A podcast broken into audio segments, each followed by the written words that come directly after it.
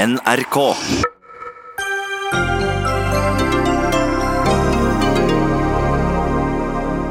Har offentligheten krav på å vite om den syke gutten som ble hentet fra Syria til Norge, faktisk er syk? Noe kan vi få vite, mener en ekspert på helserett. Nei, taushetsplikten trumfer alt, svarer jusprofessor. Flere saker er i spill etter at Frp gikk ut av regjering. Hvor skal iskanten ligge? Der er Høyre uenig med seg selv. Skal det bygges ny strømkabel til Storbritannia? De andre rød-grønne etterlyser svar fra Arbeiderpartiet. Og barn helt ned i femårsalderen blir bedt på å svare om læreren liker dem. Strukturell mobbing, mener barnepsykiater.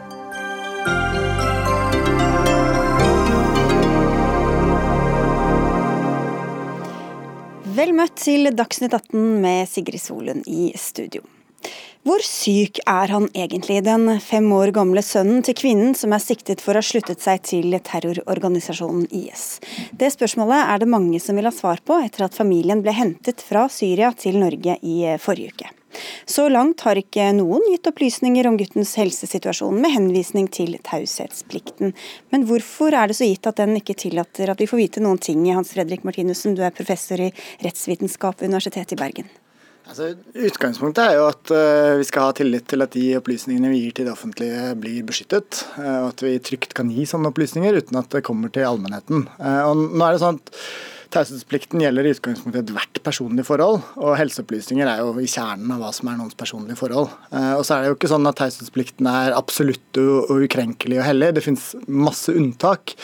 Men de unntakene er stort sett av en karakter som, som jeg mener ligger klart høyere enn det vi har å gjøre med i dette tilfellet. Regjeringa omtaler barnet som antatt sykt, og dette tok Arbeiderpartiets leder Jonas Gahr Støre opp i mandag, mandagens utgave av Debatten. Vi skal høre et lite klipp av det. Jeg mener regjeringen nå har en utfordring. for jeg synes Sanner er altfor tilbakeholdne med å gi en beskrivelse av realiteten i denne saken. Du har konsulære hensyn å ta, du har taushetshensyn å ta, men du opererer fortsatt med begrepet 'antatt syk'. Nå er dette barnet på norsk jord. Eh, og jeg tror at dette er spørsmål som vi har hatt i samfunnsdebatten, som vi bør få mer Takk skal du ha, Støre. Men, mener du virkelig det, Jonas Gahr Støre, at vi skal gi opplysninger om dette barnets helsetilstand? Jeg, jeg sier at det, er, det, er, det er i tilfelle å gå uh, over en en, en strekk, fordi at uh, vi må også ivareta dette barnets personvern. Det full, det og det betyr at det er lovpålagt taushetsplikt i denne type saker. Og det var altså statsråd og Høyre-nestleder Jan Tore Sanner som svarte Støre. Men uh, Martinussen, hva hadde skjedd hvis Sanner faktisk hadde gitt noen sånne opplysninger, mener du? Altså, å dele taushetsbelagte opplysninger er straffbart. Så hvis man mener at øh, jeg er enig med meg at dette er taushetsbelagte opplysninger, så er jo straffansvar. Så kan vi jo spekulere i hvor mye politiet ville prioritere å etterforske en sånn sak, men, eh, men eh, risikere straff. Mm. Anne Kjersti Befring, du er fagansvarlig for helserett ved Juridisk fakultet ved Universitetet i Oslo. og Dere er enige om mye her, men du skiller lag ja. på noen punkter. Hvor, hvor tar Martinussen feil, mener du? Nei, Det jeg har uttalt meg om, er at uh, taushetsplikten ikke er en hindring for at man bekrefter om gutten er syk, eller avkrefter det. Eh, nå er det slik at eh, Helseopplysninger er jo det sentrale grunnlaget for det politiske vedtaket. Og Det er jo derfor gutten er i Norge. Formålet med taushetsplikten er jo at du skal ha trygghet for å kunne oppsøke helsetjenesten.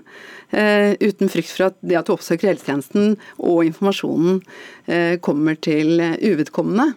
Her har man jo brukt helseopplysninger hele veien som et grunnlag for å få eh, de to barna og deres mor hjem til Norge. Så dette, eh, Min oppfatning av det er at eh, her er det andre hensyn også. Eh, og da forutsetter jeg at guttens interesser skal ivaretas. Altså Man skal ikke identifisere gutten, man skal beskytte gutten. Gutten har alle rettigheter, han blir ikke kastet ut. Han skal ha rett til nødvendig helsehjelp. Ja, hva er det som er så farlig ved å si litt Martinussen, i hvert fall om det generelle sykdomsbildet? Altså, hvis jeg først skal få lov til å være litt uh, petimeter, som den uh, juristen jeg er, så vil jeg først si at uh, dette er jo ikke bare en sånn interesseavveining. Dette er lovregulert i forvaltningsloven.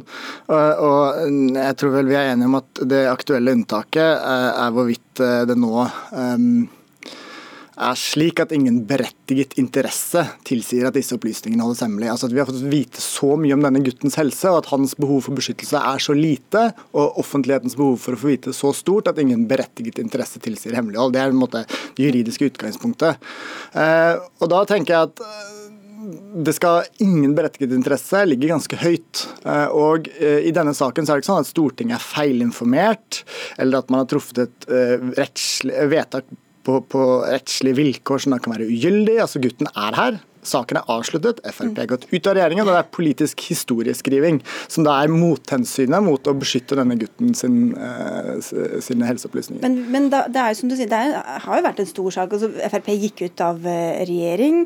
Uh, vi har visst at han har vært påstått syk, i hvert fall. Fra mm. VG skriver i dag at dette stammer fra hennes advokat og lokale leger. Um, og de, det er jo andre barn som ikke er blitt hentet hjem. Hvorfor veier ikke disse hensynene så tungt? Nå tenker jeg at Eh, for å se den saken litt større, så er dette um, et spørsmål om hva regjeringen gjør for å forsikre seg om at de opplysningene får rett. Det er helt åpenbart at Når vi har et barn som er i en flyktningleir i Syria, så har vi ikke på et norsk sykehus, vi har ikke norske leger, vi har ikke moderne utstyr. Det er åpenbart at det er usikkerhet knyttet til slike diagnoser. Eh, og Det jeg tenker det legitime er å spørre regjeringen hva gjorde dere for å være mest mulig sikre før dere hentet denne gutten hjem. Det er jo åpenbart en risiko for at det man trodde ikke var helt riktig. Og Da er det egentlig lite relevant i ettertid å spørre ja, hva er det som egentlig feiler han? Spørsmålet må jo være hva visste regjeringen? Traff de beslutning på et forsvarlig grunnlag? Hva skal offentligheten egentlig bruke denne informasjonen til? Altså, jeg vil bare si at Vi er enige om veldig mye, og vi forholder oss begge til lovtekster, så der er det ikke noen forskjell. Eh, men eh, disse lovene er ikke tolket så strengt som det her blir sagt. Eh, og vi kan snu på spørsmålet. Er det til skade for gutten om man bekrefter at han var alvorlig syk. Ehm, kan det gi en større trygghet nå, når det er sådd noe tvil politisk om hva som egentlig har skjedd? Og Med det mener jeg at retorikken rundt gutten, denne gutten er jo endret. For fra 14.6 så begynte man å snakke om antatt syk. I Stortinget i høst, jeg har sett i hvert fall fire diskusjoner i Stortinget, så snakker man om at det er en alvorlig syk gutt i Syria og som må prioriteres da foran alle andre barn i Syria. Eh, og han må hjem fordi man ikke ønsker å ha et liv på samvittigheten. Så, eh, men jeg tenker at det viktige nå er å ivareta gutten. Eh, det er det primære, så vi er enige så langt. Og man skal ikke identifisere gutten. Men jeg ser ikke at det er et mye større inngrep nå å si at gutten ja, han er syk, det har vi visst i Elløs, at han er alvorlig syk, eller han er ikke syk. Men igjen, hva skal vi bruke den informasjonen til, og, og, og, er vi i stand til å tolke den? Hvis det bare skal uansett gis i sånne generelle vendinger eller medisinske termer, skjønner vi da hvor, hvor syk han er eller ikke syk? Jeg tenker at allmennheten eh, Det er ikke sikkert at allmennheten har veldig eh, stort krav på det. Altså, veldig mange har jo vært opptatt av denne gutten. Jeg ser at det er i hvert fall tre eller fire spørretimespørsmål, eh, og følge med på, på, denne gutten. Men jeg tror det aller viktigste er at det er en åpenhet i det politiske Norge. Eh, og at sykehuset Nå er det jo opp til sykehuset og helsepersonellet å velge, for det er jo ikke noe opplysningsplikt. Så de må jo velge om de kan levere informasjon til UD om, eller bekrefte eller avkrefte om man er alvorlig syk. Mm. De kan ikke levere pasientjournalen. Eh, de kan ikke gi mer informasjon enn det som allerede har vært i media. Og så lenge vi snakker om antatt syk, så, vi, så høres det ut som man kanskje egentlig ikke er syk. Er han tjent med at vi skal bruke sånne begreper, Martinussen? Nøssen? det er vanskelig for meg å spekulere hva som er ment, men jeg vil jo tro at det er noe regjeringen etter hvert har sagt at vi bør være litt forsiktig, fordi det er jo helt klart nå at det er jo ikke noe endelig fastsatt diagnose på den gutten fra Syria. Altså Det må gjøres når han kommer hjem. sånn at å si at vi vet ikke helt, og markere det med antatt, syns jeg må være greit. Eh, jeg vil også gjerne få reservere meg mot den at, at denne bestemmelsen i forvaltningsloven eh, ikke er praktisert så strengt. Vi har en helt ny utredning fra Norges fremste eksperter på, som har foreslått en ny forvaltningslov. og i den sammenhengen har de sagt at denne bestemmelsen har liten selvstendig betydning, og at det er typisk der f.eks. For forvaltningen ankl Nav anklages for grove pliktforsømmelser og andre ting, og behov for å forsvare seg, hvor den først og fremst kommer til anvendelse. Så, så jeg er ikke enig i at det er liksom eh, noe vi kan ha i en litt sånn bredere interesseavveining. Eh, jeg tror nok at vi har en utvikling der slike opplysninger i stadig større grad vil ha krav på beskyttelse, i tråd med samfunnsutviklingen. Ja, nå eh, snakker du om når eh, personen er identifisert. Så Der er det en forskjell. Denne personen er ikke identifisert. Eh, det er det ene. Det andre er at det er ikke forvaltningsloven som bestemmer om legene skal gi UD informasjon. Men det er forvaltningsloven som bestemmer om UD skal formidle informasjon videre. Sånn at det er to forskjellige lover. og innenfor helseretten så vil man nok si at informasjonen om at gutten er alvorlig syk, den har allerede vært diskutert. Til og med pasientjournalen hans har vært ute i media og blitt brukt i Stortinget. Eh, og at det å bekrefte om han er alvorlig syk, at det ikke er et veldig tungt hensyn til gutten, så lenge han ikke blir kastet ut av landet. Han får jo helsehjelp og blir her, og blir tatt vare på, og det er bra. Du ble ikke to streker under svaret, men eh, fikk i hvert fall avveiningene på begge sider. Takk skal dere ha begge to for at dere var med i Dagsnytt 18, Hans Fredrik Martinussen og Anne Kjersti Befring. Dagsnytt 18 alle hverdager klokka 18. På NRK P2 og NRK2.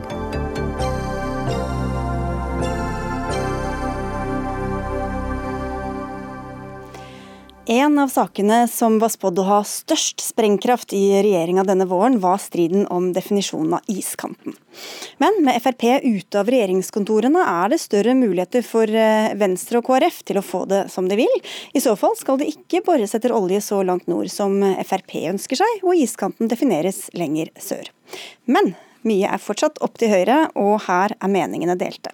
I november gikk Unge Høyre ut med at de, i likhet med KrF og Venstre, vil verne Barentshavet nord for oljeleting og flytte iskanten sørover. Ingen god idé, ifølge deg, Jon Peter Hernes, du er gruppeleder for Høyre i Stavanger kommunestyre. Hva tror du konsekvensene blir for en næring du er opptatt av, oljenæringa, dersom Unge Høyre får det som de vil? Jeg tror jo først og fremst at det er signaleffekten av å begynne diskusjonen med å si at uh, en skal trekke en grense lenger sør. Uh, altså at, vi, at, det bor folk i det hele tatt i Norge skyldes jo at vi liker oss i nærheten av snø og is. Og så er det jo spørsmål hvor nærme skal du være. Uh, alle er enige om at iskanten er et veldig sårbart område som skal vernes. Og så er det bare å finne fram til hvordan vi gjør det på en god måte, samtidig Eh, som vi nå skal få en forvaltningsplan som, der dette skal avklares internt i regjeringen òg. Mm. Eh, og som handler om hvordan driver vi verdiskaping både i forhold til olje og gass, til fiskerier, til eventuelle mineraler på havbunnen, til eh, bølgekraft, vindkraft, alle mulige ting som, som kan skape verdier, og som skal forvaltes på en god måte for å skape arbeidsplasser i, i et langsiktig perspektiv. Ja, Det kommer en forvaltningsplan, Unge Høyre-leder Sandra Bruflot. Hvorfor har dere da allerede konkludert? Nei, altså Det kommer en forvaltningsplan, men eh, de rådene har jo kommet allerede. Og det er jo der debatten egentlig ligger, fordi at rådene spriker så veldig. Eh, fra noen som mener at eh, det, ja, det, er veldig teknisk, men hvor mange prosent sjanse det er for at man møter på is rett og slett i april. Men det vi ønsker er egentlig at iskantsonen skal være så stor som mulig, og at den skal trekke så langt sør som mulig. Og Grunnen til det er jo som det blir nevnt at det er et, det man kaller et biologisk hotspot. Det er et svært eh, matfat for fisk, sjøfugl, sel, isbjørn og grønlandshval. Og så er jeg litt opptatt av at det betyr ikke at det blir næringsforbud. Det er ikke det det betyr. Men eh, vi kan bore etter olje mange mange steder, men artene som lever akkurat her, de finnes ikke andre steder på kloden. Og det er poenget vårt. Vi skal få inn en ekspert på dette her også etter hvert, men bare Hernes, hvor vil du sette iskanten da? Det, jeg tror, det alle er enige om, er jo at du skal ikke drive oljeboring i nærheten av iskanten. Og iskanten er jo ikke noe sånn teoretisk, det er jo en helt fysisk eh, sted som eh, en kan eh, observere hver dag nøyaktig hvor den går. Og det finnes regler i dag om at du skal ikke drive operasjoner nærmere enn 50 km Eh, fra iskanten, sånn at eh, alle er enige om at eh, vi skal ha en grense der vi holder oss vekke fra dette. Og så er det jo sånn at i, i, På hele norsk sokkel så er det jo områder som er sær, særlig sårbare, sånn som iskanten òg er. Men der det òg har gjennom mange år vært drevet med olje- og gassvirksomhet, men som må ta hensyn til de spesielle forholdene som er på de ulike stedene. Og Det samme gjelder f.eks. i fiskerier og andre okay. ting. at dette, dette, er ikke noe unikt. Ok, Vi skal få inn deg også, Frode Vikebø. Du er forskningssjef ved Havforskningsinstituttet. og Det høres jo litt rart ut at politikerne skal bestemme hvor iskanten går. Hva er det som ligger til grunn for hvordan dette defineres? Altså, Iskanten er jo den sørlige grensen for iskantsonen. og Denne iskantsonen er jo da et belte som skiller mellom de isfrie og de isdekte områdene. Og uh, Iskantsonen der er det altså mellom 15 og 80% iskonsentrasjon. Og Regjeringen og den gjeldende forvaltningsplanen de setter jo grensen for iskantsonen som områder der det er is i mer enn 30% av dagene i april. Eh, andre tar da til orde for eh, maksimal isutbredelse, dvs. Si, eh, den sørlige grensen hvor du da i hele tatt når 15% iskonsentrasjon. Denne iskantsonen er som det er sagt også her et særlig verdifullt og produktivt område. Og det er også definert som sårbart, i den forstand at du har en våroppblomstring med en eh, eksplosiv eh, planktonproduksjon som gir et grunnlag for eh, næringsnett høyere oppe, inkludert fisk, sjøpattedyr og videre. Man kan jo se for seg at iskanten kryper nordover, eller blir i hvert fall varierer mer ettersom global oppvarming eskalerer. Hvor, hvor, viktig er det å få satt en sånn grense? Altså, dere har jo kommet med en klar anbefaling om å sette den langt sør. Hvor, hvor viktig er det hvor den grensen egentlig settes? Eh, det vi vet er jo at eh, Med klimaendringer så vil en eh, iskant i gjennomsnitt trekke seg nordover. Men i de kommende si 10-20 år så er det fremdeles naturlig variabilitet som vil dominere hvor vi finner iskanten. Og det er betydelige svingninger mellom år, også fra dag til dag. Derfor er det overveiende sannsynlig at man vil møte på is hvis man opererer med en eh, is, sørlig iskantsone, slik eh, eh, den gjeldende forvaltningsplanen sier. Mm, det som også er med disse anbefalingene, er at det er 150 000 kvadratkilometer i forskjell på anbefalingene på om du setter den lengst nord eller lengst sør. Og Det er en størrelse som er nesten på størrelse med halve Fastlands-Norge. sånn at dette har, det har mye å si. Klimaendringene skjer nesten dobbelt så raskt i Arktis som på resten av kloden. Og det har veldig mye å si for dyrelivet i Arktis at vi har en så bred iskantsone som mulig.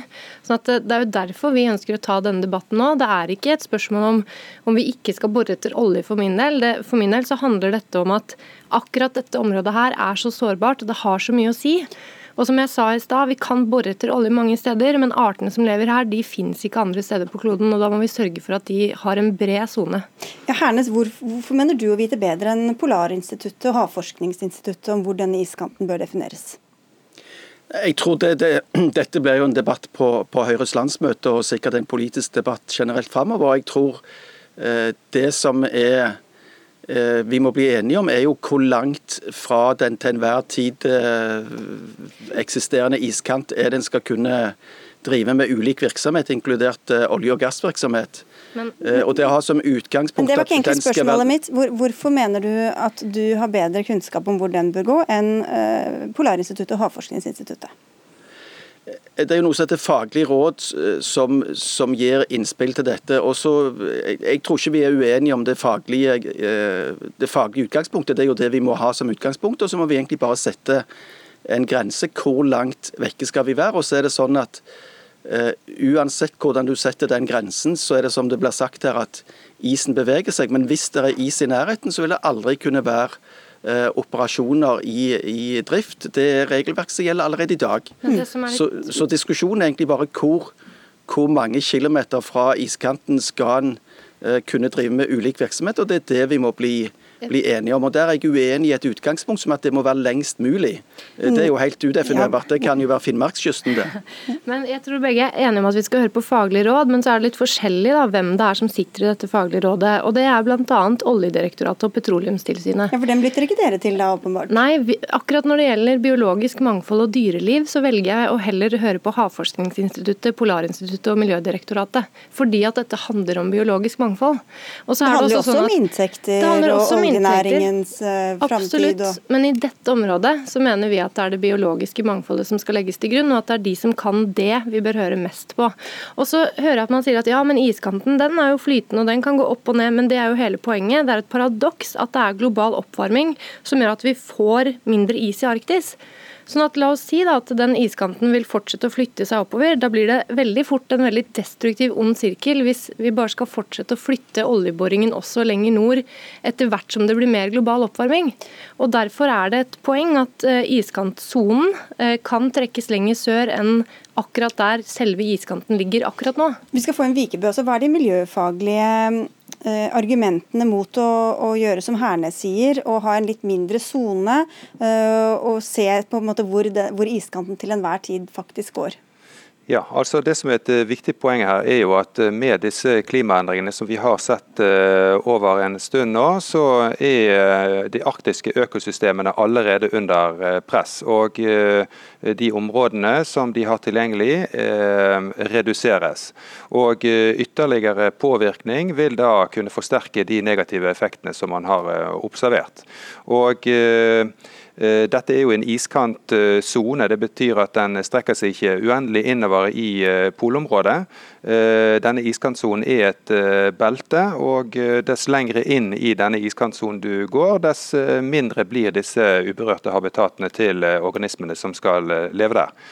Dessuten vil jo en en eventuell næringsvirksomhet i området kunne påvirke Eh, lengre innover under is enn eh, det som er satt som grensen for eh, den faktiske operasjonen.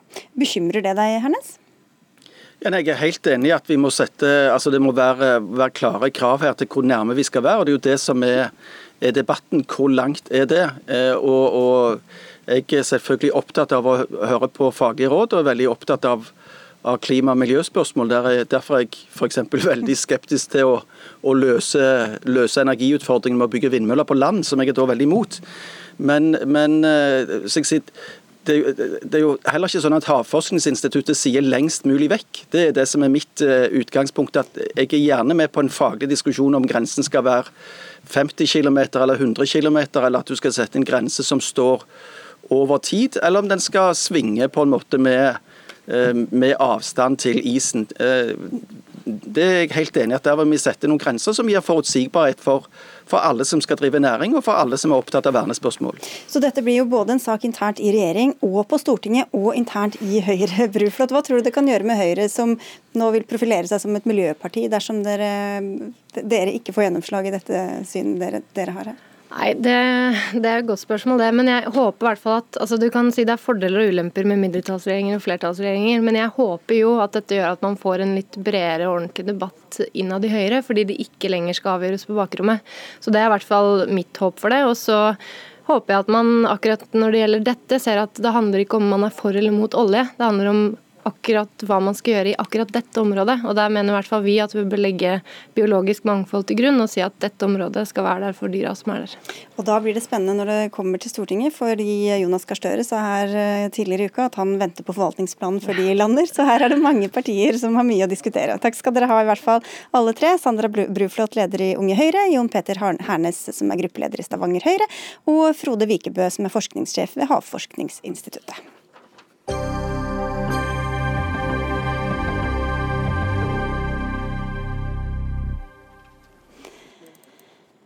Er økte strømpriser greit hvis det kutter klimagasser? Det er et av dilemmaene vi snart skal diskutere når vi skal ta opp strømkabelen NorthConnect. Men først noe ganske annet.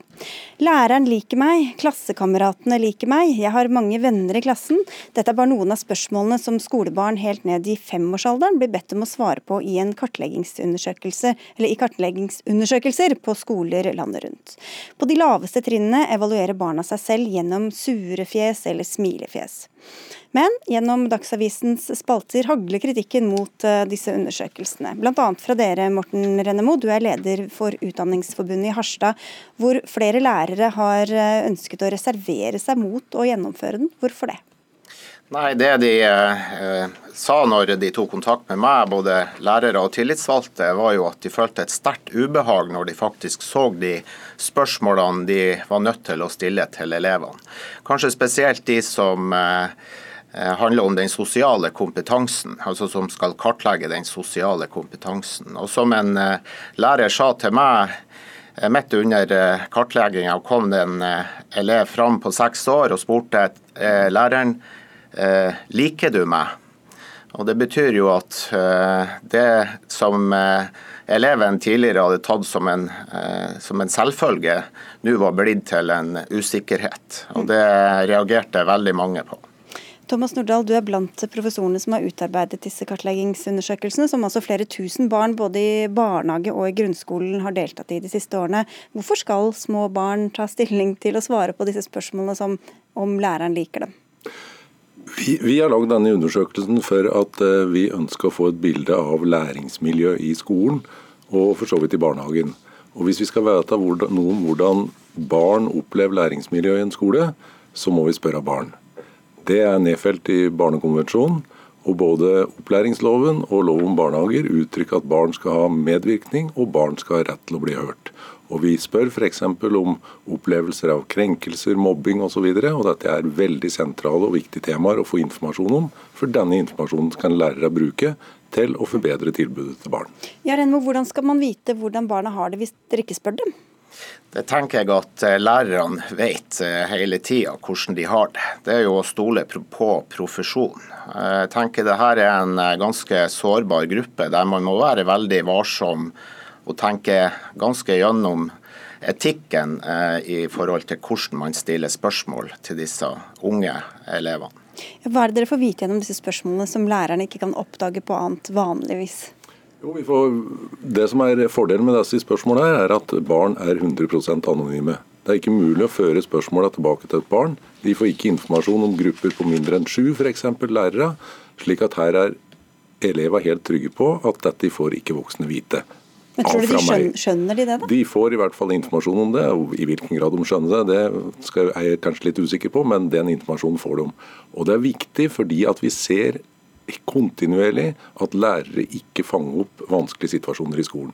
Hvis de hadde, fått, hadde gjort det, så hadde vi ikke hatt den store utfordringen med mobbing og krenkelser. Vi hadde ikke hatt den store variasjonen vi har mellom skoler, der vi ser noen skoler takler dette veldig godt og gode oversikter, og andre skoler har mindre gode oversikter. Vi skal få inn en tredje person her også. Stein Førde, du er spesialist i barne- og ungdomspsykiatri og overlege ved Oslo universitetssykehus. Og du gikk også hardt ut i Dagsavisen og kalte det for en slags barnemishandling. Hvorfor er det et treffende ord å bruke her? Barnemishandling er å gå langt, men øh, det dreier seg om og sette barn i en situasjon som de ikke mestrer. Og barn ned til fem, seks, syv år har eh, ikke forutsetninger for å forstå eh, den typen spørsmål og svare slik at eh, vi forstår det på den måten de har sagt det.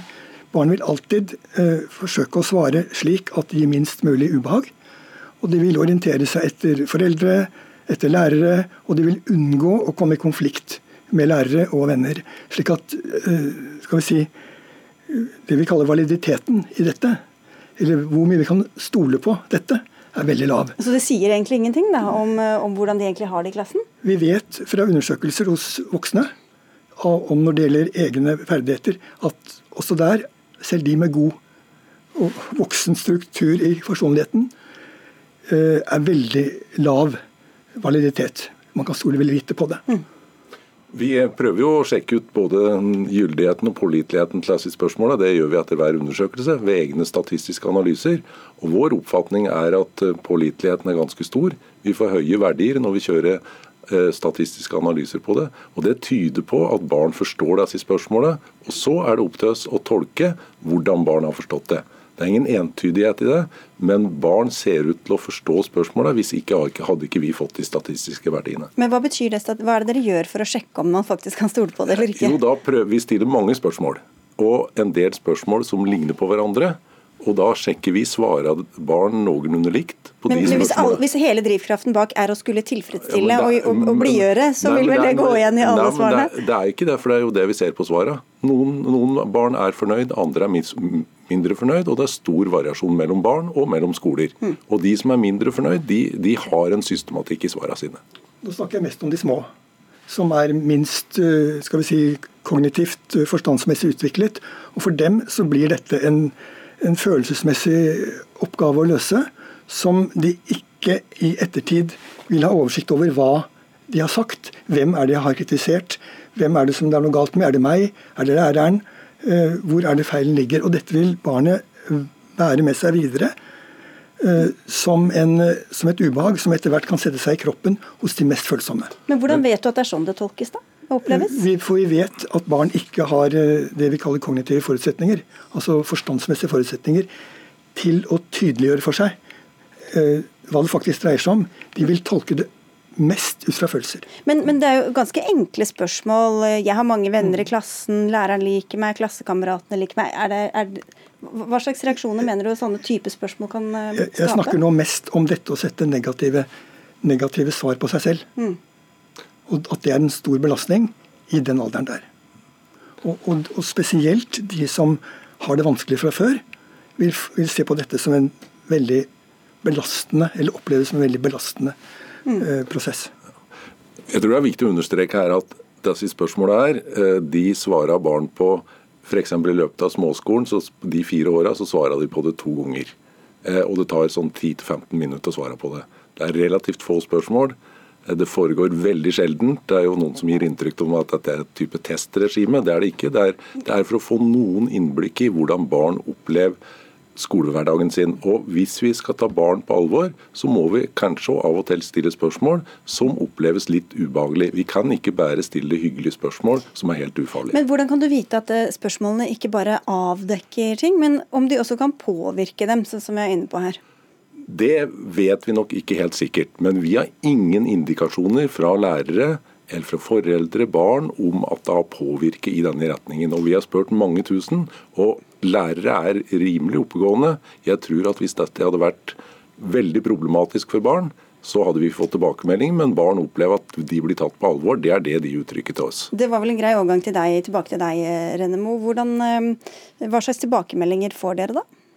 Nei, Det er også foreldre som har tatt kontakt og er veldig ja, egentlig bestyrta over innholdet i spørsmålene når de har skjønt hva det går ut på. Og Det er vel kanskje spesielt det som går på sosial kompetanse, som vi diskuterer nå, som, eh, som de syns er vanskelig. Men det er også egne eh, skjema for lærerne. Hvordan ser dere på dem? Ja, de har, Vi har jo sett på dem også, og vi mener jo at Selvfølgelig kan lærere fylle ut sånne skjema, men vi har sett mest på det som, som elevene skal se på. Det er det kanskje det som er mest problematisk. Mm. Men, men, i dette skjemaet for lærere så står det bl.a. Eh, et spørsmål om barnet reagerer egnet på fysisk aggresjon fra medelever. Hvordan mm. skal de vurdere det, eh, Nordahl? Om det, hva er egnet reaksjon der, egentlig? Ja, Det er vanskelige vurderinger. Dette skjemaet her, som handler om sosiale ferdigheter, som, bar, som lærere vurderer barn på, det er et internasjonalt veldig anerkjent skjema som brukes i mange land og av mange andre forskningsmiljøer i Norge. Og det regnes som et av de beste skjema for å prøve å vurdere sosiale ferdigheter hos barn. Vi vurderer veldig i skolen veldig mye skolefaglige prestasjoner. Og for å få en litt større balanse i hva vi vurderer i skolen, så ønsker vi å vurdere sosiale ferdigheter òg, fordi at det er et viktig læringsmål i skolen. For du mener at man ikke skal undersøke sånne ting i det hele tatt? Jeg mener at, de, at den måten det er gjort, i alle fall i de første klassene, bør utgå, rett og slett. Fordi barn ikke har forutsetning for å svare på dette på en måte som gjør at de, at de svakeste av dem og man har ikke oversikt over hvem det er, at de kan takle det videre. Og de kan legge ned følelser som kan være til skade senere. Men, men dette er også um, i barnehagealder. Eh, hvordan, hvordan, kan det bli tolket og taklet der? Uh, det, det, vanskelige her er jo, er jo, det at, som vi ser innenfor barnepsykiatrien, at de barna som har det vanskeligst, ofte angir at de har ofte angir minst problemer. Mm. Og det er, det, er, det er, et paradoks, selvfølgelig men som vi må ta veldig alvorlig, og som sier at hva vi får ut i sånne spørsmål, eh, har å gjøre med hvordan barn vil forsvare seg selv. Å, og unngå å måtte sette dårlig karakter på seg selv. Der kommer barnet inn i en prosess hele tiden. Okay. Vi skal sette strek, men du kan få en avsluttende kommentar, Thomas eh, Nordahl. Ja, jeg, jeg, vil understreke at dette her gjør vi for at barn skal få, få, kunne uttale seg om hvordan de opplever barnehagetilbudet og skolehverdagen som de er i hver eneste dag. Og Vi bruker dette aktivt for å forbedre det skoletilbudet og barnehagetilbudet, og det lykkes vi ganske godt med. Ok, Så det er i hvert fall intensjonen er god, og så er dere litt uenige om hvor godt det faktisk fungerer. Men vi får si takk til dere alle tre for at dere var med i Dagsnytt 18. Thomas Nordahl, som også er pedagogikkprofessor, til Morten Rennemo, leder for Utdanningsforbundet i Harstad, og til Stein Førde, som er spesialist i barne- og ungdomspsykiatri. Hør Dagsnytt 18 når du vil. Radio NRK.no.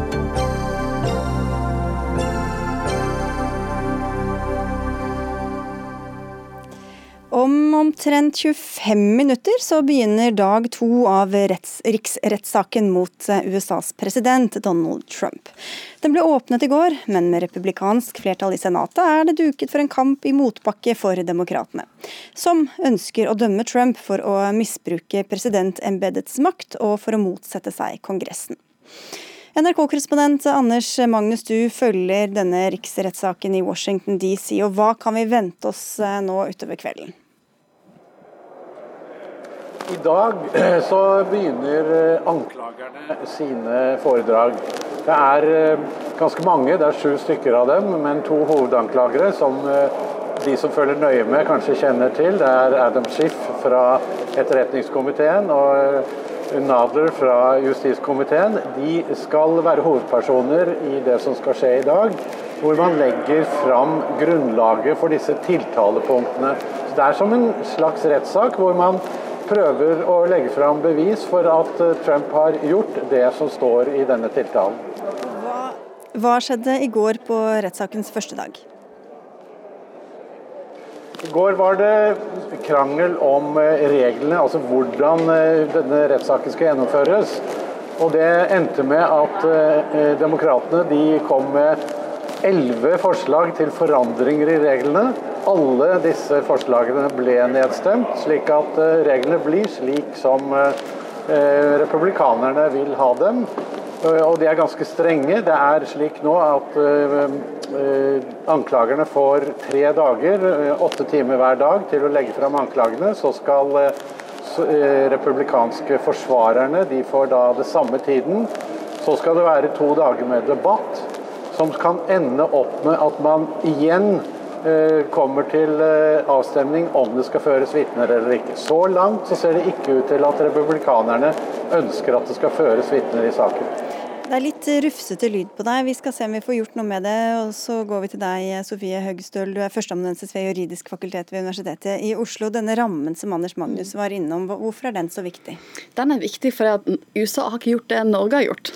Vi har jo også en riksrettsmekanisme i vår grunnlov. Men det vi har gjort, det er at vi har laget en egen lov om hvordan rettsgangsmåten i riksrettssaker skal være. Så det er forhåndsbestemt uavhengig av hvem som stilles for riksrett. Så har vi allerede vedtatt en lov på at det blir prosessen. Det har man ikke gjort i USA. Så I USA så står det bare i Grunnloven at det er Senat som skal høre en riksrettssak, men det står ikke så mye mer i Grunnloven enn det. Det står at det er eh, høyesterettsjustitiarius som leder riksrettssaken hvis det er presidenten som stilles for riksrett. Og så står det at det trenger to tredjedels flertall for å dømme. Men det står ingenting om vitner. Det står ingenting om bevis, og det står ingenting om hvordan saken skal føres. Derfor har man vite, Det var det man gjorde når Clinton stiltes for riksrett for, uh, på slutten av 90-tallet. Da måtte man vedta egne regler. Og Det er jo det man prøvde på i går. Men det som skjedde uh, For de reglene fra den gang, de gjelder ikke nå? De er jo de, de, de, de, ble jo basert Det var en engangstilfelle. Så man måtte, måtte, må jo da vedta fra gang til gang, sånn som det er lagt opp nå. Og man har jo tatt utgangspunkt i, stor, altså i stor grad det som ble vedtatt rundt Clinton. Men forskjellen kanskje mellom Clinton og den riksrettsrunden vi har nå, det er at Clinton-riksrettssaken var basert på eh, en spesialetterforsker som hadde brukt mye tid på etterforskning og avhør av vitner. Så mye av den kartleggingen var allerede gjort av en, en, uavhengig person.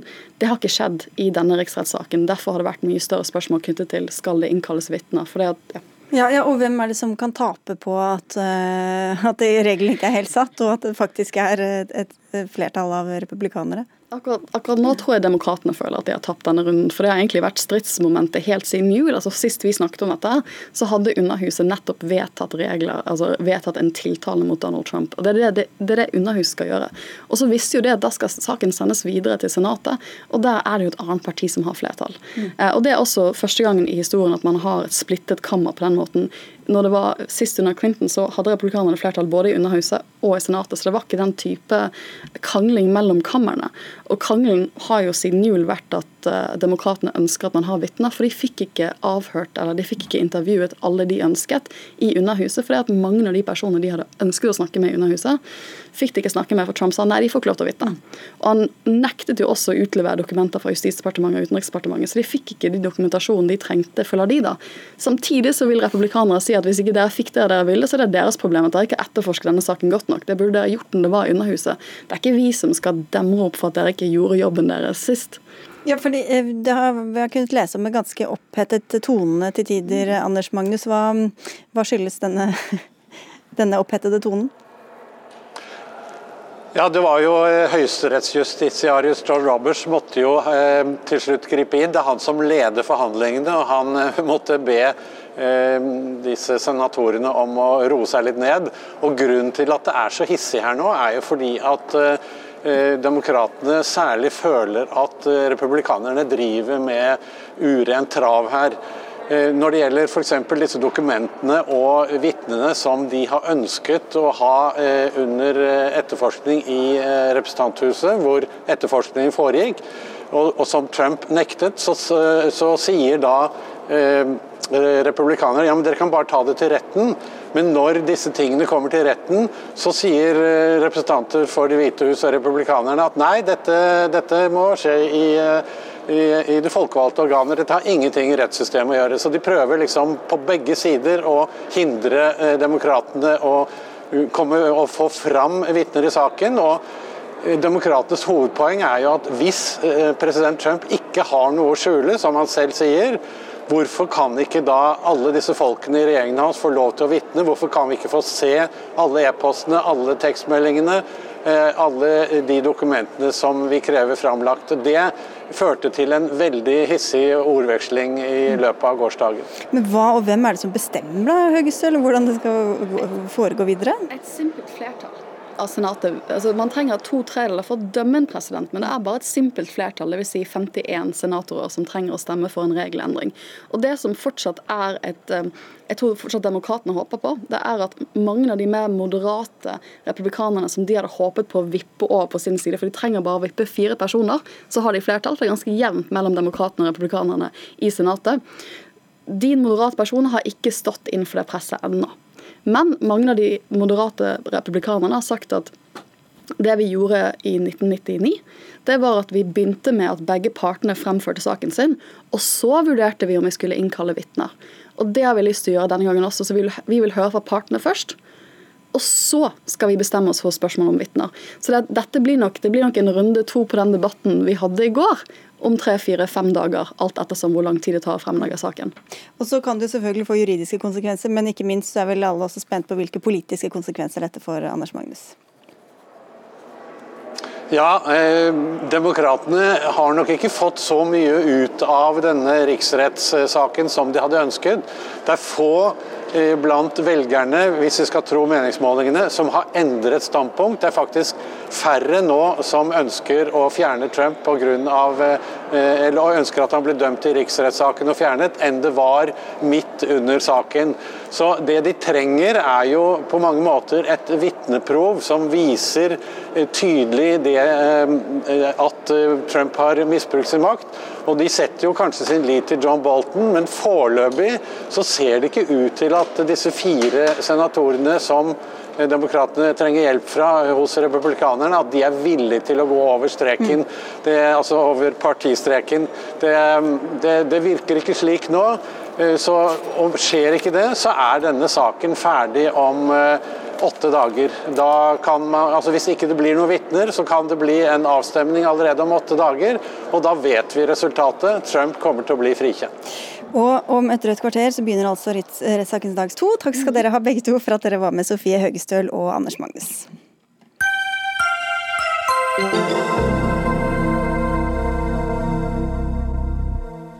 Er ikke bare den politiske behandlingen av iskanten som kan få ny dynamikk nå når Fremskrittspartiet er ute av regjering. Det samme kan gjelde den omstridte planlagte strømkabelen NorthConnect mellom Norge og Storbritannia. Den kan det bli flertall for å skrinlegge etter at Arbeiderpartiets leder Jonas Gahr Støre sa nei til hele prosjektet til VG i går. Eller hva skjer egentlig med hele denne saken nå, Stefan Heggelund? Du, er eh, miljø, du sitter i hvert fall i energi- og miljøkomiteen på Stortinget for Høyre. Det gjør jeg. Og hva som skjer i denne saken? Vel, vår holdning til dette er at vi skal følge den avtalen som vi inngikk bl.a. med Arbeiderpartiet om tredje energimarkedspakke. Det betyr at eh, eventuelle nye kabler skal være samfunnsøkonomisk lønnsomme. Det betyr at vi skal høste erfaringer og gjøre grundige analyser. Og det gjør vi gjennom den konsesjonsprosessen som vi nå har. Glemte du ikke et punkt? Hmm? Glemte du ikke et punkt om Statnett? Jo, også Statnett, og det, det, står også i avtalen. Det er helt riktig. Men poenget mitt var å fortelle om det som gjøres i den konsesjonsprosessen. Vi vet eh, at det er en samfunnsøkonomisk lønnsom kabel. Eh, den samfunnsøkonomiske gevinsten er på 10 milliarder kroner, som vil komme en rekke kommuner i Rogaland og Agder til gode gjennom eh, økt skatteinntekter, økt utbytte i offentlig eide kraftselskaper, som vil bidra til velferd i disse kommunene. Og så skal man altså gjøre andre grundige analyser og høste erfaringer. og Derfor så mener jo vi det er riktig at man fortsetter en helt vanlig konsesjonsprosess for denne kabelen. Hvor regjeringa da skal si ja eller nei til, til denne kabelen? Ja, da vil jo regjeringen, da, når, det ligger, altså, når det ligger ved regjeringens bord, regjeringen ta en beslutning. Ønsker man at denne skal ha konsesjon eller ikke, basert på de kriteriene som ligger i avtalen. Ja, Denne avtalen da, som vises til her, Espen Barth Eide, du sitter i samme komité på Stortinget for eh, Arbeiderpartiet. Var dere, trekker dere dere fra avtalen, eller hva er det Nei, som skjer? Nei, på ingen egentlig? måte. Vi mener den avtalen er veldig god. Den er, som Heggelund eh, redegjør for, en avtale mellom en rekke partier. Fremskrittspartiet er faktisk med på den avtalen, sammen med Høyre, Venstre, Miljøpartiet De Grønne og Arbeiderpartiet. Og vi har jo hele tiden ment at den har avklart dette spørsmålet. Vi kan ikke ha noen kabler som ikke eies og driftes av Statnett. Nå NorthConnect er ikke en Statnett-kabel, derfor så er det kriteriet ikke oppfylt.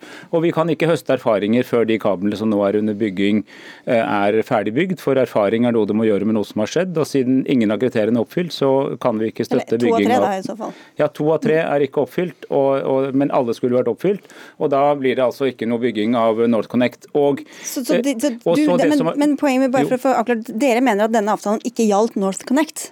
Jo, jo, den gjaldt selvfølgelig også NorthConnect. Og den utelukket da at NorthConnect kunne bygges nå. Altså NorthConnect kunne ikke bygges i det hele tatt i sin opprinnelige form, fordi den jo var, ikke var eid og driftet av Statnett. Og, og ingen kabel, verken den eller andre, kunne bygges nå, fordi vi ikke har fått gjort unna de erfaringene.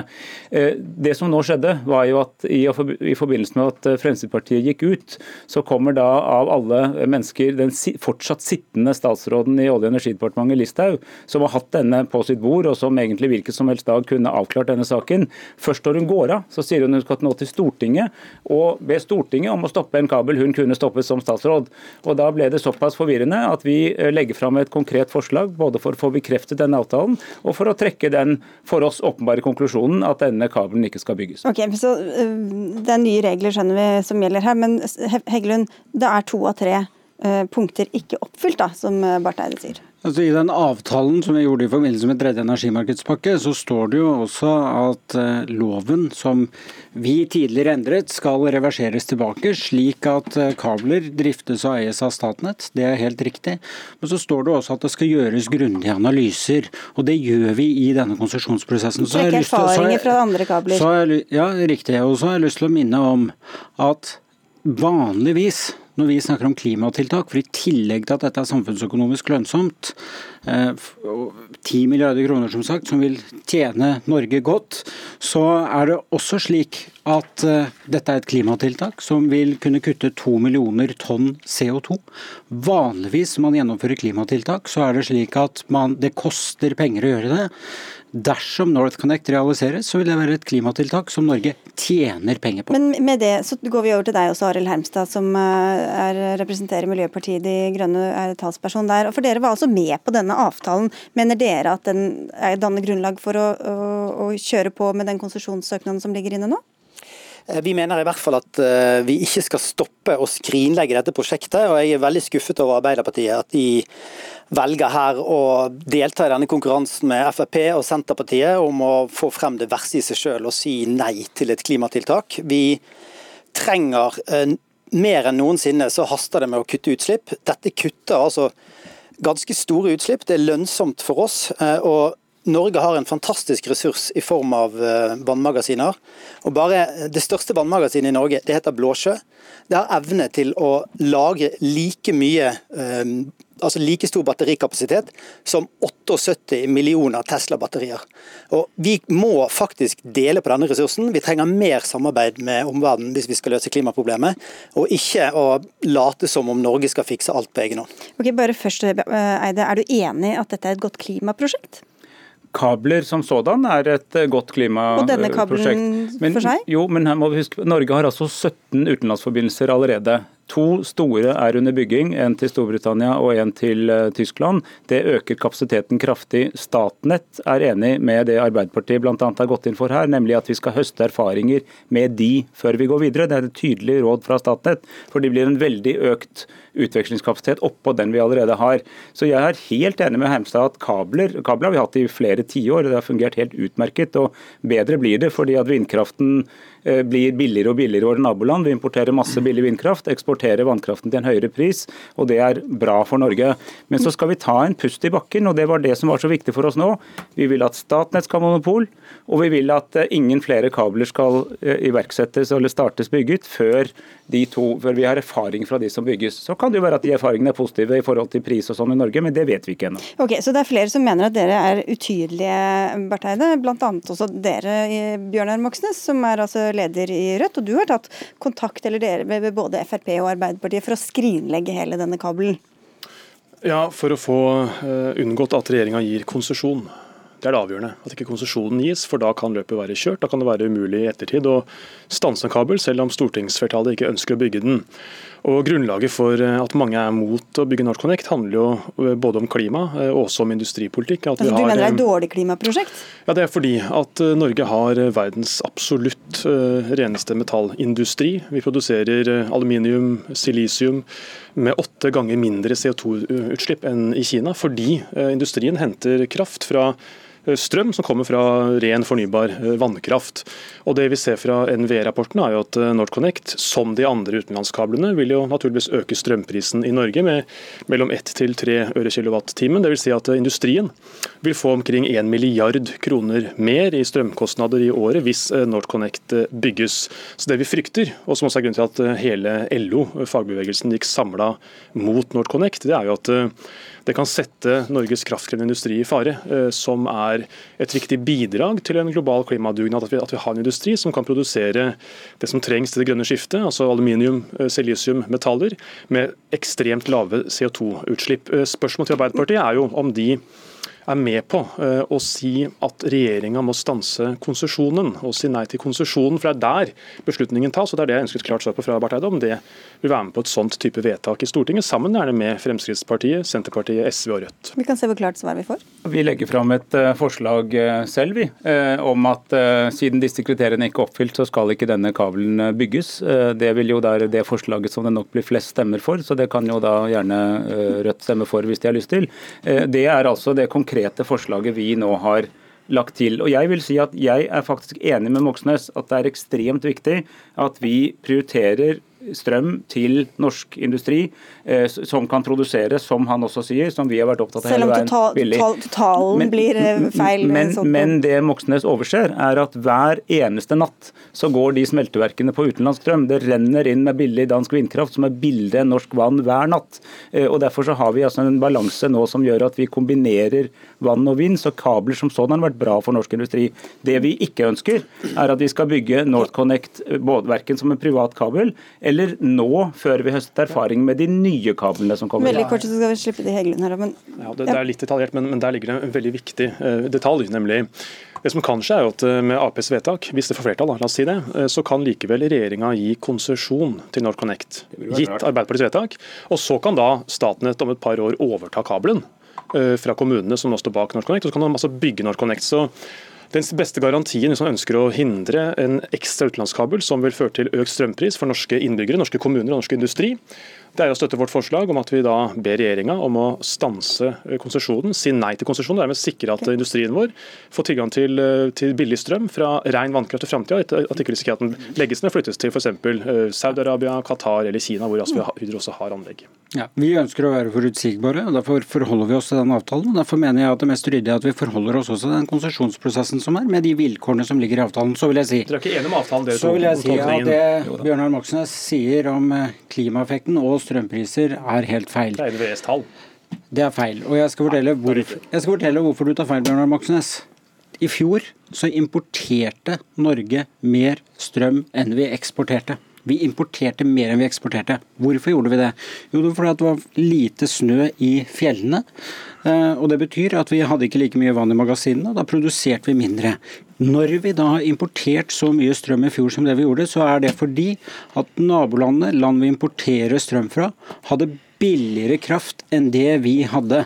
Ergo, hvis vi ikke hadde hatt kraftutveksling, hvis vi ikke kunne importere strøm, så ville strømmen blitt dyrere for norske forbrukere, og den ville blitt dyrere for norsk industri. Det er mange ting som Men- men vi- Bjørnar Moxnes, men- Det er mange ting som påvirker, som påvirker kraftmarkedet. F.eks. Jeg er for at vi skal ha mer industri i Norge. Eh, Hvis vi får mer industri i Norge, så kan det også påvirke kraftmarkedet. Men dere, vi må slippe til stakkars Arild Hermstad. Han sitter på Hamar og så vi Det må, være sånn, jeg må få sånn egen pisk til deg, Simon Heggelund. Ja, ok, Arild Hermstad, kom igjen. Jeg tror at, eh, altså Alle er jo enige om at vi ønsker industri i Norge. Jeg tror at eh, man foregner seg fort hvis man tror at den beste garantien for å beholde norsk industri er å stenge, altså gjøre, gjøre det minst mulig effektivt å utveksle kraft med utlandet. Vi er nødt til å ha god politikk for uh, industrien. Vi har nødt til å ta vare på de langsiktige kontraktene som de har. Vi er nødt til å sørge for at CO2-kompensasjonsordningen videreføres. Og så må vi tilrettelegge for et grønt skifte. Og så Her må vi bare huske én ting til. Og det er at De positive effektene for Norge er større enn de kostnadene som påføres noen. Eh, Og Det betyr f.eks. at Norge eh, kommer til å få større skatteinntekter, vi kommer til å få eh, bedre velferd, og så kan vi også bidra til at det blir mer havvind i eh, den strømmiksen som vi importerer fra. Skottene har store planer for det, men de er helt avhengig av å finne balansekraft. og Da er Skottland faktisk eh, de, de er ganske gira på å få dette prosjektet til, for de ønsker å kutte utslipp fort. Og da er jo spørsmålet, Skal vi hjelpe dem med det, eller skal vi lage en eller annen teoretisk skrivebordsøvelse om at det kanskje kan gå utover industrien? og derfor Men så skal vi okay, men dere, jeg bare spørre uh, Barth Eide her, for det er jo eh, ikke noen tvil om at dere gikk gjennom en indre storm da dere sa ja til dette ACER, altså Norge Norges tredje energimarkedspakke fra, fra EU. Absolutt, men vi er Eh, veldig fornøyd med utfallet. Og har sett Senterpartiet og Rødt vokse de siste årene. Hvordan har det påvirka den holdningen dere har nå til denne kabelen? Det har ikke påvirket det i det hele tatt, fordi at vi har nøyaktig det samme standpunktet som vi hadde for to år siden. Det skal ikke bygges nye kabler som ikke eies av Statnett, eh, og det skal ikke bygge nye kabler nå før vi høster erfaringer. Det har vi ment hver dag, og vi står bom fast på det standpunktet. Det vi gjør nå, er at vi vil presisere at slik, siden de kriteriene ikke er oppfylt i dag, så skal ikke denne kabelen bygges. Fordi Sylvi Listhaug, utgående oljeminister, Ja, det skapte det tvil om dette. Men hvorfor kan det ikke Statnett bygge det her, da? Så får Arbeiderpartiet med på laget, kanskje, Heggelund? Ja, men Nå har vi en helt vanlig konsesjonsprosess. og I den avtalen vi gjorde tredje, om tredje energimarkedspakke, så sa vi også at den loven som vi endret, skal endres tilbake, slik at Statnett skal eie og drifte utenlandskabler. Og så har jeg bare lyst til å si en ting til. Fordi at hvis NorthConnect en gang realiseres, så vil det også være slik at vi kan fortsette å importere billig overskuddsvind fra Skottland, eller begynne med det. Fordi at de har ikke et selv kraftig nok nett til å bruke all den vinden som produseres når det er mye vind i Skottland. Det vil da ville blitt importert med en svært lav pris, noe som også ville vært bra for Norge, norsk industri og norske forbrukere. Selv om Statnett eide det, og selv om strømprisene ble kompensert for, og selv om det er stor klimagevinst, så er Rødt imot eh, denne og andre utenlandskabler? Ingen vil kutte de kablene vi har, som det er 17 av allerede. Men det er en grunn til at både Norsk Industri, NHO og LO samla går mot det. fordi at de ser at eh, strømprisøkningen som kommer som følge av NorthConnect, som altså NVE har regna på, eh, den vil ramme industrien eh, kraftig. Pluss at vi ser at industrien her er helt nødvendig for å få til et grønt skifte. for at Hvis vi skal etter hvert trappe ned olje- og gassnæringa, må vi ha andre bein å stå på. Og Norges kraftkrevende industri er verdensledende. Den sikrer sysselsetting, eh, bosetting, verdiskaping, eksportinntekter langs hele kysten vår.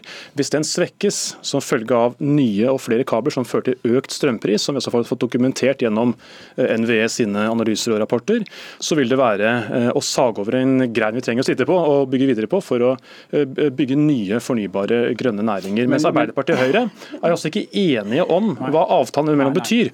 Og da er jo spørsmålet ikke Sier Arbeiderpartiet fly kan gi oss en garanti at de vil være med på å stanse konsesjon til NorthConnect det eller ikke? Det har jeg svart på mange ganger. Men, du- du har jo- du kan ikke men dere- garanti for det. Men, men jeg har lyst til å jeg har lyst til kan- vi har ikke tid, Vestmark, men men vi har- men sendinga er slutt. OK, eh, Odd Nytrøen, Lisbeth Sellereit og jeg, Sigrid Solund, takker for oss, og takker til alle dere fire som opplyste oss så grundig.